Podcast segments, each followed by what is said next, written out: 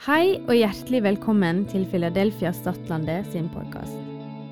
Ønsker du å vite mer om oss, kan du gå inn på filadelfiastat.no. Her kommer ukas.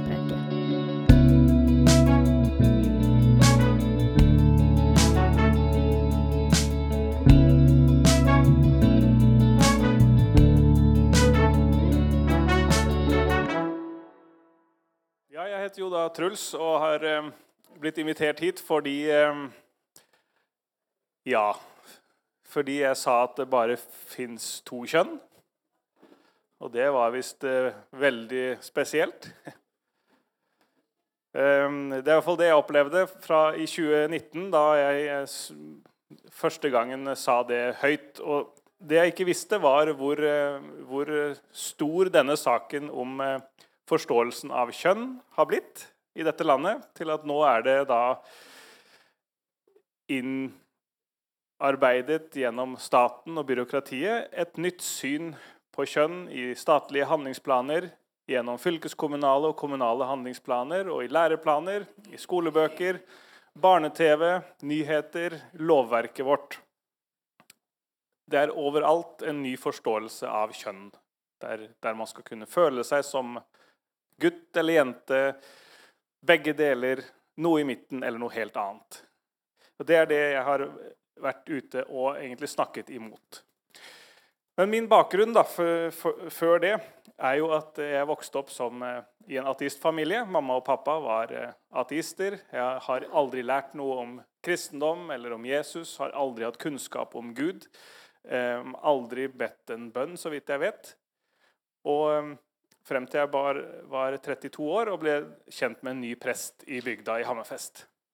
Og det vennskapet det handlet om å spille dataspill og kortspill. Og jeg kunne da stille spørsmål til denne presten om hvordan, eh, ja, om han virkelig trodde på alt som sto i Bibelen. Og han utfordret meg da til slutt, etter eh, flere år, med å lese selv i Markusevangeliet. Og for å finne ut hva som står der, så jeg sjøl kunne ha den kunnskapen. Og Det som skjedde i mitt liv, det som endra mitt liv, det var at etter å ha lest Markusevangeliet en fjerde gang, da, da endra mitt syn på det å være menneske seg ved at jeg trodde at å være elsket, det handlet om hvor godt, man, hvor godt jeg spilte rollen som sønn, som ektemann og som far. Og så visste jeg jo at jeg var en løgner, jeg visste jo at jeg gjorde masse ting som ikke var bra. Og hvis alle fant ut det, så visste jeg at da ville jeg bli mindre elsket. Men etter å ha lest Markusevangeliet den fjerde gangen, så fikk jeg en ny, en, eh, en ny sannhet, en åpenbaring om at jeg var elsket uavhengig av prestasjoner, uavhengig av roller, fordi Gud elsket meg. Og det som skjedde da, når jeg innså det, det var jo at når Gud elsker meg, da er jeg jo fri. Da er jeg jo fri fra å tenke prestasjon. Og det gjorde at eh, Det har jeg kanskje ikke sagt. Det som skjedde, var at øyeblikkelig så forsvant misunnelse. Jeg opplevde da, i det øyeblikket der, at jeg var misunnelsesdrevet. Jeg startet en mengde bedrifter. Alt jeg hadde navigert etter, hva, var, hva har andre som er bedre enn det jeg har av titler, av penger, av ting? Og så ville jeg ha det. Jeg var misunnelsesdrevet. Hvis vi satt i et rom, og um, en annen i rommet fikk ros, så ble jeg misunnelig. Jeg ville også ha ros. Det var helt rart. Uansett hva det var. Jeg bare kjente på det hver gang noen skrøt av noen, så ble jeg misunnelig. Hver gang eh, noen sa 'Å, han Hansen har fått så, så kul bil', så jeg, kjente jeg på jeg, jeg vil også ha kul bil. Jeg vil at folk skal si at jeg har kul bil. Det var sånn jeg navigerte livet mitt, og det har vært en voldsom drivkraft. For det har jo liksom vært en sånn kickstarter at ja, jeg vil også ha. Og når da misunnelse ble borte, som dugg for solen, så ble jeg veldig usikker. Og da husker jeg ringte presten, han kameraten som eh, hjalp meg med Markus evangeliet, og så sa jeg Hva skal jeg gjøre nå? Nå har jeg ikke noe drivkraft lenger. Og da sa han til meg, 'Bare slapp av, du.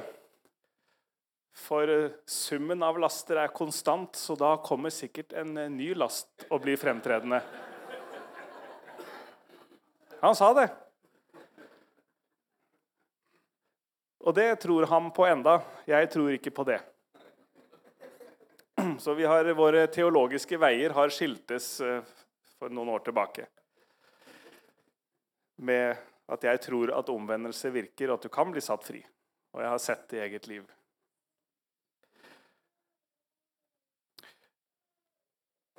Og da, da jeg ikke lenger var misunnelsesdrevet, så oppsto det egentlig et slags vakuum ved at jeg ikke hadde noe hastverk. Så de, de første tre årene etter at jeg kom til tro, så surra jeg egentlig rundt og bare hadde det bra.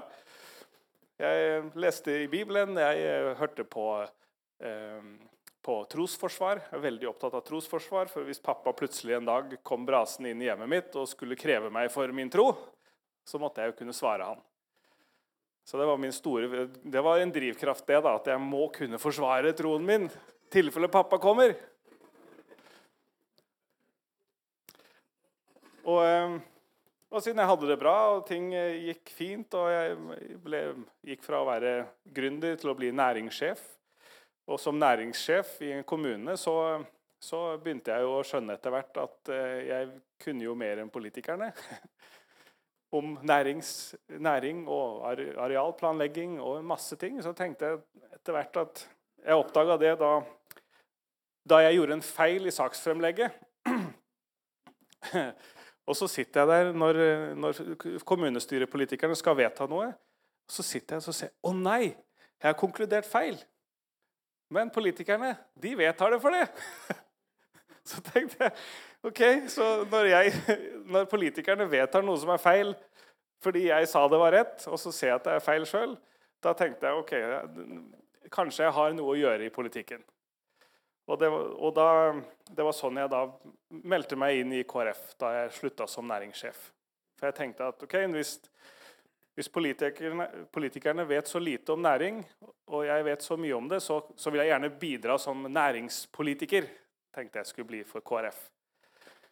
Og, og som, da, da, var det sånn at jeg, jeg, var jo litt lokalkjendis fra før. Var veldig godt likt. og og populær. Jeg hadde jo startet eh, som 19-åring, eh, så var jeg jo 20-åring, eh, så var jeg jo russepresident. Den høyeste og gjeveste tittelen man kunne ha i mitt liv da. Så jeg jeg syntes det var så fortreffelig tittel at jeg tatoverte 'The Chosen' på skuldra mi som 19-åring. Jeg var så fortreffelig. Jeg, jeg var på høyden, kan du si. Jeg var høyeste du kunne komme. Og, og da jeg begynte i, i, KrF, så ble jeg med en gang pekt på som ordførerkandidat fordi at jeg var såpass godt kjent i lokalsamfunnet. Jeg hadde startet flere bedrifter og vært leder i idrettslaget. Og, og det gikk jo ja, jeg tenkte jeg skulle bare gønne på, så det første jeg gjorde, det var å gå skikkelig hardt ut i en sykehuslokaliseringsdebatt og, og peke på Arbeiderpartiet, som hadde hatt rent flertall i 100 år i Hammerfest, og pekt på, altså virkelig kritisert steinhardt på en måte som ikke var gjort offentlig før noen gang. Og det var stor, stor motstand og sjokk. Det var sjokk i hele befolkningen at noen kunne si noe sånt. Og, jeg tenkte, det, og Grunnen til at jeg gikk så hardt ut, var fordi at jeg tenkte hvis du skal være politiker, så må du jo kunne tåle ganske tunge debatter. Så jeg tenkte at da tar jeg de tyngste som jeg visste om da. Og det var sykehuslokalisering og, og kritisere etablissementet, da. Og, og, det gikk egentlig ganske greit. Det, var, det, det, kom jo faktisk eh, På det meste så var det vel et par hundre kommentarer fra sinte folk som var uenige om hvor sykehuset skulle ligge. Og Så meldte jeg meg inn i bønnelista, for det var jo kirkevalg samtidig. Og jeg sto jo i Den norske kirke. Så jeg meldte meg inn i bønnelista, som er da den konservative kirkevalgslista. Og eh, jeg visste ikke noe om kirkevalg. Jeg visste jo ikke Helt ærlig, på det tidspunktet så trodde jeg det var én kirke i Norge. Det var Den norske kirke. Så når folk sa frikirke, ja, Tenkte det var sikkert Norske kirke. Pinsekirke. Jeg trodde det var samme kirke. Jeg visste ikke at det var forskjellige kirker engang. Eller menigheter. Så jeg trodde det var en og samme greie, og meldte meg da inn i eh, bønnelista fordi de mangla én plass for å kunne stille liste. Og jeg fikk beskjed om at hvis ikke vi fikk inn bønnelista der, så ville da en liberal, altså åpen folkekirke få alle mandatene. Så vi måtte fylle den plassen, og tenkte jeg ja, det kan jeg jo gjøre. Det er sikkert lurt å gjøre. Og når jeg gjorde det, så sa presten min at eh, du, Truls, det, var nok fint for kirka, men dette vil skade deg i valget. I kommunevalget. Og det var helt riktig, fordi at eh, kommunevalget gikk fra, bort fra å handle om politikk og penger, sykehus og alt det der, til å kun handle om kirkevalget. Og det var fordi at jeg som ordførerkandidat sto på bønnelista. Og bønnelista sto for tradisjonell bibelforståelse. Og det de løftet frem, var at eh, bønnelista er spurt om de mener praktisering av homofili er synd, og da har lederen der sagt ja. Og da var det alt hele valget ble å handle om. Det var om mine dårlige holdninger, at jeg var farlig for demokratiet, kristen fundamentalist, jeg hater kvinner, jeg hater homoer. Det ble sagt om meg uten at jeg hadde sagt noen ting. Jeg bare sto på en liste. Så Det var mitt møte med sekulær intoleranse i valget i 2019.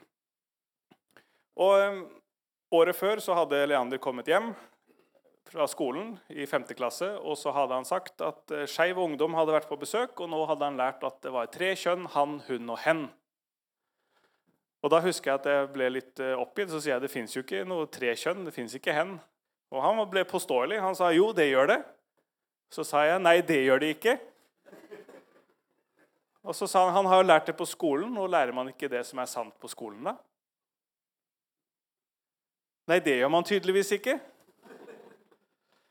Og da, Det var første gangen det trigga meg, dette her med kjønn. Jeg hadde kjent på det tidligere, at jeg syntes det ble litt mye sånne pride-greier og sånt, og spøkte litt med folk. Ja, det, var, det er jo ikke noe tog for oss heterofile. ikke sant? Men da, jeg, da, da, skjedde det noe med at, den, at jeg skjønte at når barn lærer dette her, det er jo ikke rett. Det trigga noe. Så gikk valget over. Vi gjorde det sånn høvelig bra med 9% for KrF. Fikk stor fremgang. Og um, jeg var skikkelig utmatta etter valget. Jeg var skikkelig utmatta. Sliten. Tenkte åh, håper jeg slipper dette en gang til. Det var skikkelig slitsomt. Og så gikk det to måneder, og så plutselig så oppdaga jeg at Stortinget skulle vedta å etablere tre kjønn. Et tredje kjønn. Og Da trigga det den samme reaksjonen som da Leander kom hjem og sa at det fantes hen også. Så, og så begynte jeg å leite, leite, rundt. Er det ingen andre som reagerer på dette her? Jo, jeg fant én person. Det var en lesbisk radikalfeminist, Tonje Jevjon. Hun skrev og kritiserte dette her. Og så trykka jeg 'liker' én gang, og så skrev jeg en kommentar. Eh, 'Godt skrevet'. Og det her var november 2019. Hun, skrev, hun sendte meg en melding med en gang. Med en gang jeg hadde gjort det, så sendte hun meg en melding. Og så spurte hun om jeg ville vite mer. Og så fikk jeg da instruks, instrukser om eh, hvordan ståa var.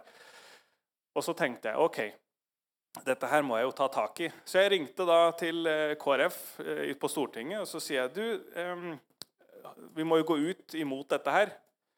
Men da var daværende person i helse- og omsorgskomiteen ville ikke snakke med meg og ville ikke ta møte om det. Og ville heller ikke møte andre på Stortinget for å ja, se på problemet med å vedta flere kjønn. Og, og, da ble jeg så frustrert. Jeg tenkte at ja, men da må jeg da må jeg gjøre det sjøl, da. Så da gikk jeg sammen med en håndfull andre kristne. Og så lagde vi et opprop som het 'Ja til tokjønnsmodellen. Nei til radikal kjønnsideologi'. Og det oppropet det ble spredt sånn at det fikk 20 000 signaturer på to uker. Det er masse. På to uker. Det bare spredde seg skikkelig fort.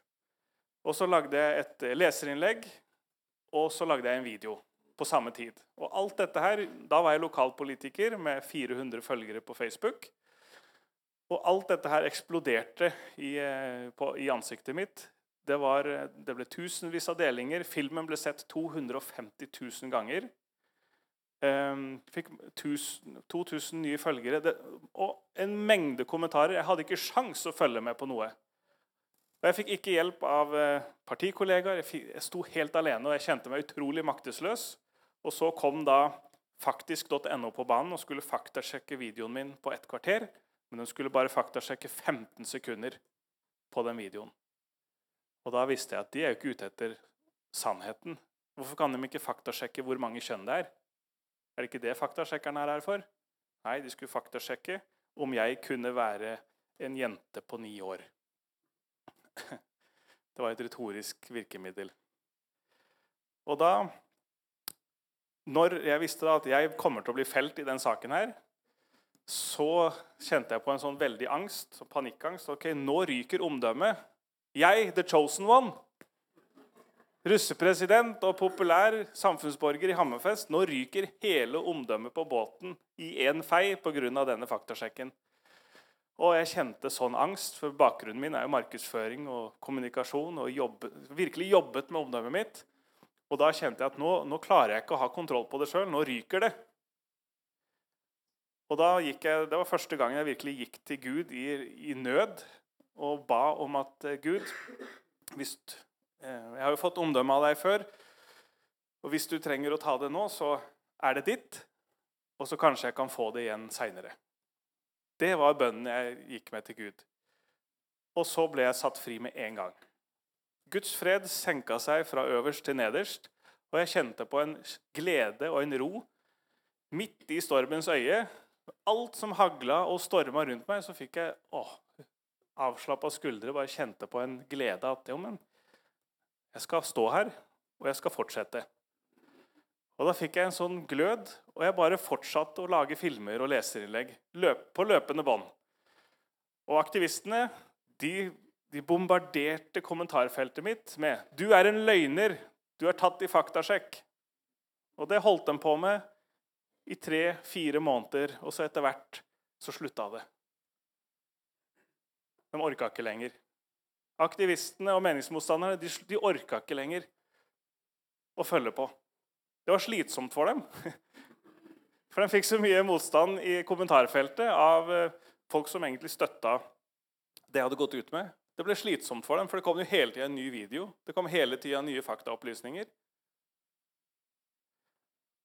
Og nå så er det, det er nesten ingen som orker å holde på og, og, med synlig motstand i sosiale medier. I hvert fall.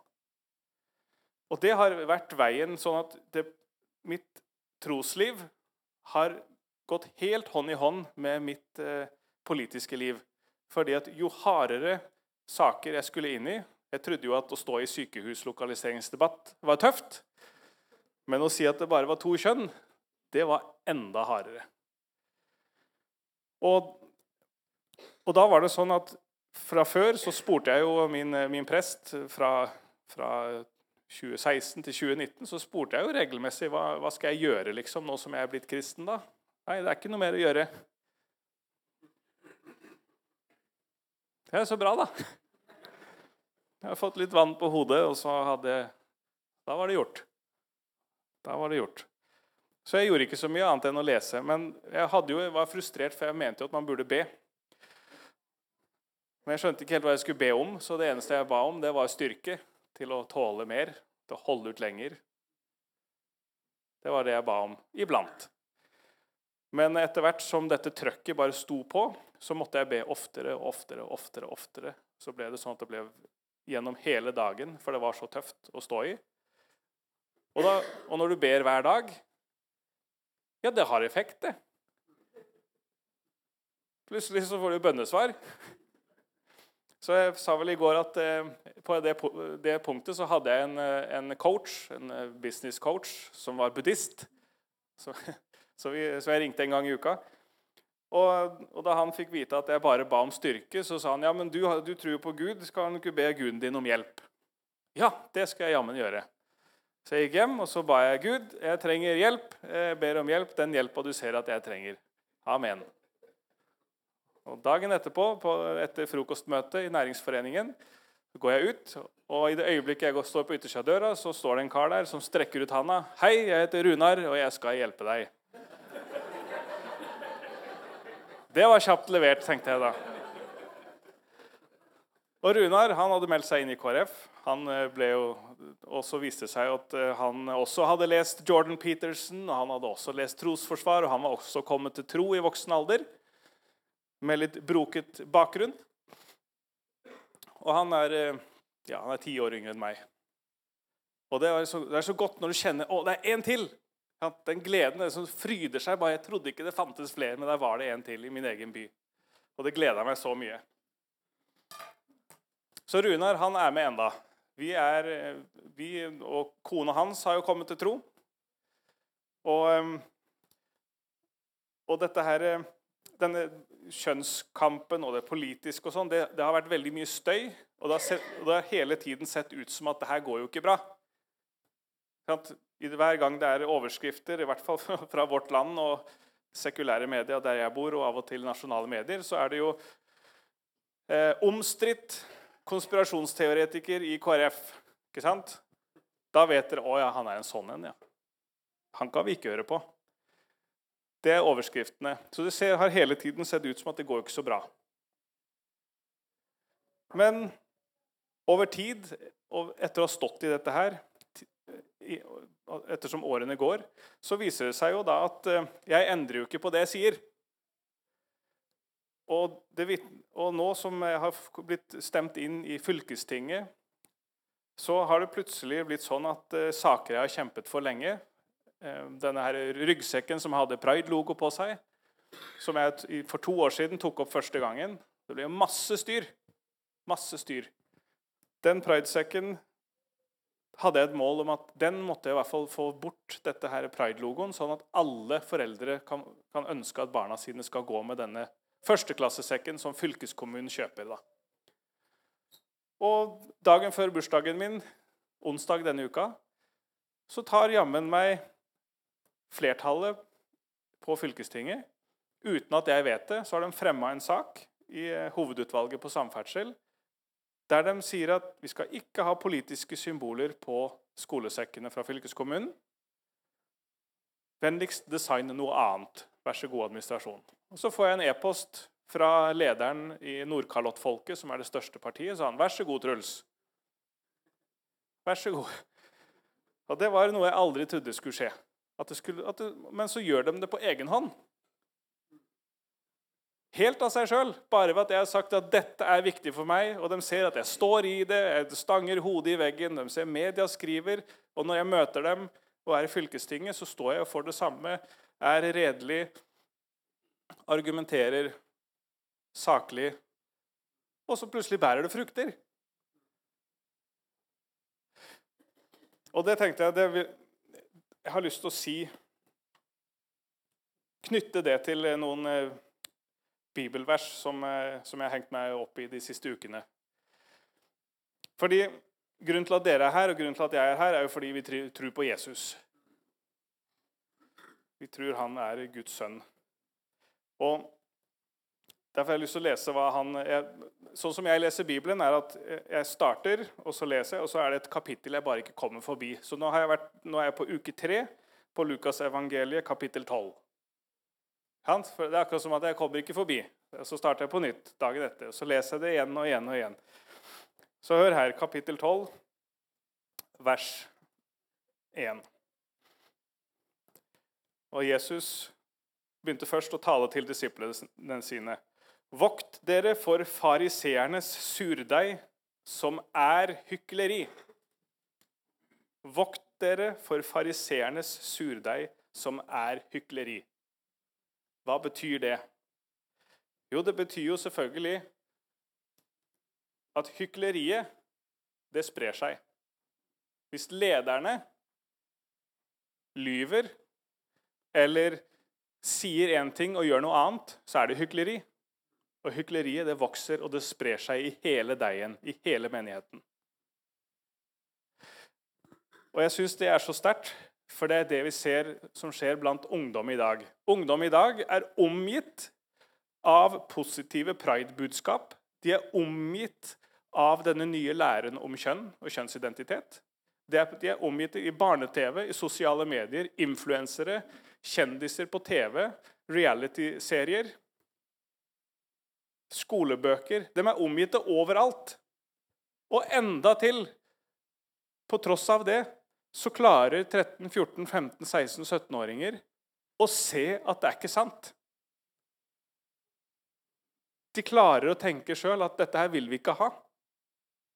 Enda det bare er positive budskap om dette her med pride og nye kjønnsforståelsen.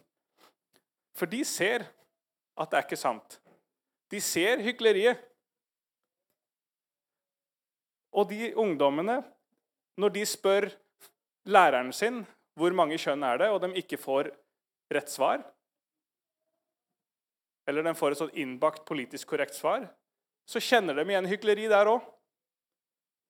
Hvis du ikke får rett svar i menigheten på så enkle spørsmål, så er det åpenbart hykleri der òg. Og hvis ikke engang foreldrene dine tør å si hvor mange kjønn det er, så blir det sånn at da søker du etter sannheten andre steder. For det er hykleri overalt rundt deg. Og de kjenner det igjen. Så når Jesus sier at du skal vokte dere for fariseernes surdeig, som er hykleri, så vil jeg si at ungdom i dag Det ser ut som at de er lagd av noe som det kan bli spennende tider for i Norge. Jeg er kjempepositiv til det. Jeg var ikke det for et år siden. Da ante jeg ikke hvordan i all verden skal vi komme oss ut av dette her. Men så ser jeg at Gud har tydeligvis en plan med de som kommer etter oss. For, for dette hykleriet og det å være den politiske korrektheten det har fått grobunn i alle samfunnslag. Og det har fått grobunn til eh, dette med woke-bevegelsen, som, eh, som har fått eh, og dette her med eh, ytringsfrihet, dette krenkelseshysteriet. At man skal hele tida tenke rettigheter. Hvilke rettigheter har jeg? Jeg kan kreve rettigheter. Hvilke krav kan jeg sette? Og ikke hva kan jeg gjøre for andre? Hvilket ansvar kan jeg ta? Det er snudd helt på hodet. Og dette hykleriet, det er det som eh, jeg syns er Vi skal ta med oss at vi kan i hvert fall stå for det vi tror på. Og som jeg sa i sted med min egen trosreise, at eh, da omdømmet røyk, så var det sånn at jeg, det er jo det jeg var mest redd for å miste. Omdømmet mitt. La meg lese videre på kapittel 12, vers 4. Jeg sier dere, mine venner, vær ikke redde for dem som dreper kroppen, og deretter ikke kan gjøre noe mer. Jeg skal vise dere hvem dere skal frykte. Frykt ham som etter å ha slått i hjel har makt til å kaste i helvete. Ja, jeg sier, han skal dere frykte. Sant? Du skal ikke frykte mennesker. Vi skal ikke engang frykte å dø. Men i Norge så skal det veldig mye til at vi vil, må måtte dø for å mene at Jesus er herre. Men jeg kan love dere at omdømmet kan hende at dere må være villige til å ofre. Omdømmet vårt er det vi vokter det er det vi syns er vanskelig. Vi kjenner det i brystet. Og nå kan jeg si det jeg egentlig mener i foreldremøte eller på korøving eller på jobben. i lunsjen. Og du bare kjenner det her oppe. Og nei, men det blir hyggeligere hvis jeg lar være. Uh, det var bra jeg slapp. Ikke sant? Vi kjenner det i brystet med en gang. Men vi har et ansvar. For av det jeg har erfart de siste årene, Ateistene vet det samme som de kristne nå i det vi står i. De vet, og de er uenig i, den nye kjønnslæren. De vet om pridebevegelsen og Friforeningen, hvor mye makt de har over stat og byråkrati og handlingsplaner. Ateistene vet det òg, men de gjør ingenting. For hvorfor skal en ateist rekke opp handa og si at han er uenig, hvis det kan koste han karriere og venner og familierelasjoner? Hvorfor skal en ateist gjøre det? Det er ingen grunn. Han har bare dette livet, han. Mens en kristen rekker opp handa, og det kommer nye samfunnsrøster over hele landet som popper opp. Det siste året har det poppet opp nye lærere og foreldre som har tatt til motmæle i lokalavisa og regionalavisa. Flere av de har kommet på nyhetene, til og med. Bare for å si det at vi ønsker ikke dette i lærebøkene. Det er de kristne røstene som dukker opp. Det er de kristne som kjenner på ansvaret for å si det som er sant. Og det er de kristne som må kjenne ansvaret på at å stå for sannheten, selv om det koster oss omdømme, der og da. Selv om det er tøft der og da, og en fødsel der og da, så kommer fruktene av det. For vi har jo også tålmodighet i bunn. Vi må ikke bli elsket og likt av alle i bygda hver dag hele tiden. Det kan hende at vi må tåle å risikere å bli mislikt men hvis man står i det over tid, så bygger det karakter. Og da ser de karakteren at det er ikke snakk om hat. Det er ikke snakk om at noe, man har et dårlig menneskesyn. Når man står for det samme, man står for sannheten og man tror det hele tiden. Da, vet, da er det lett å forholde seg til. Det er ikke hykleri. Når det ikke er hykleri, da virker det som hel ved. Og da vil den komme en etter en til deg og se det du har. Hvordan kan jeg få det? Det du har, hvordan kan jeg få det? Og Det er det lys og salt handler om. Og det å være forbilder for hverandre det vil jeg også si. I Hammerfest så visste jeg jo om to kristne, og det var presten. Da mener at summen av laster er konstant, så det er ikke noe vits å vende om. Jeg må snart konfrontere han med det. Jeg har ikke tort å gjøre det ordentlig. Og det var en, eh, en god en bestevenn av meg som heter Tor Eirik, som, eh, som har vært narkoman i tolv år før han oppdaga Jesus. Det var to kristne jeg kjente. Og eh, når vi da er så ensom ja, Og Runar, da. Da er vi tre kristne. Runar glemte. Han som sa at han skulle hjelpe meg. Vi har tre kristne i Hammerfest. Og, og så ser jeg da at ok, han Men jeg så vel egentlig ikke noen av de som et forbilde jeg ville modellere mitt liv etter. Runar han hadde, han hadde sitt, og presten hadde sitt, og tidligere narkoman hadde i hvert fall sitt. Sånn at Da jeg møtte Tone Lise og Per Christian Gustavsen, som er eh, eiere av Kristent ressurssenter der jeg jobber nå De er også et pastorpar som startet eh, Friskmenigheten, en husmenighet i Tønsberg. Da jeg møtte dem, så så jeg med en gang at det de hadde i ekteskapet, det var så synlig hvordan de, den gleden de hadde av hverandre, det strålte ut. Så jeg tenkte Oi, er dette på ekte, eller er det skuespill mens jeg er her? For jeg har aldri sett det før. Jeg hadde aldri sett en sånn ekteskap stråle på den måten der. Men over tid så viste det seg at det var likt hver gang. Det strålte hver gang. Og, og så var det sånn at på det meste så var vi en uke sammen i strekk.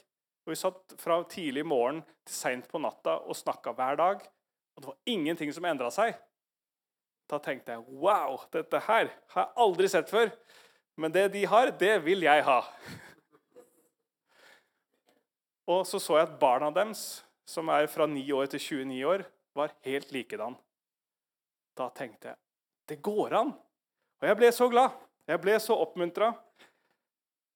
Og, og, da var det sånn at, da begynte jeg å spørre hva er det dere gjør. Og Da sier de jo i Bibelen så står det sånn og sånn på disse stedene. Så så å, ja, gjør det det, ja. Og vi praktiserer det sånn. Oi, er det sånn det virker? Og det å ta i bruk Guds ord fra morgen til kveld, det var det de sa de gjør. Og da må man kunne Bibelen, da. Og ta den på alvor. Og da ser jeg at straks jeg begynte å gjøre det, begynte å vende om fra en del andre ting og vende til ting som var bedre, så begynte det jaggu å bære frukter i mitt eget ekteskap òg. Ikke sant? Plutselig så fikk jeg bønnesvar, og plutselig begynte kona å lese Bibelen for alvor. Ikke bare barnetroa, men begynte å skjønne at hun også måtte ta dette på alvor. Og Det var ikke fordi jeg sa noe, det var bønnesvar. Det var Gud som trakk på henne. Og Plutselig så opplever jeg en ny vår i ekteskapet nå i høst som jeg aldri trodde skulle være mulig. Og jeg er så takknemlig for det. Så til tross for at det ser ut som at det er støy og kaos og krig og overalt der, der jeg ferdes, og media skriver ditt og datt, så er det sånn at jeg har fokus på Jesus. For jeg står opp til jeg legger meg. Jeg har fokus på kona mi og på barna mine og familien min. Der, der jeg har først fokus. Og når de, jeg vet at de har det bra, da kan jeg gå ut og tjene og gjøre en jobb. Og så står jeg i det uansett hva det er, så står jeg i det, for jeg vet at oi, nå skriver Vårt Land denne overskriften. Og hvis du bare leser Vårt Land, så vil du jo tro at jeg er komplett gæren. Og vil aldri lytte til meg. Men jeg vet at med tålmodighet og over tid så vil den karakteren jeg bygger i Jesus, den blir synlig for de som er interessert i å finne ut. Og det tenker jeg gjelder alle, altså. Derfor gjenta det Vokt dere for fariseernes surdeig, som er hykleri. Blir dem borte, så begynner folk å tro på oss. Og Det er de unge, det er ungdommene nå som trenger noen forbilder å se seg om. Vi trenger kristne forbilder, vi trenger kristne influensere, unge influensere som lager TikTok-kontoer og YouTube-kontoer og Instagram-kontoer som, som, forteller hvordan det er å være kristen og være snekker, eller å være kristen og være fotballspiller, og være kristen å være hjemmeværende. Vi trenger at noen gjør det. Det vil få tusenvis av følgere. Og det er attraktivt. Det de har, det vil vi også ha. Det er det jeg ønska å dele med dere i dag, så tusen takk. Takk for at du hørte på. Har du spørsmål eller ønsker å koble deg på kirka, ta kontakt på mail eller gjennom vår nettside. Håper du vil høre på neste uke også, eller at vi sees på gudstjenesten.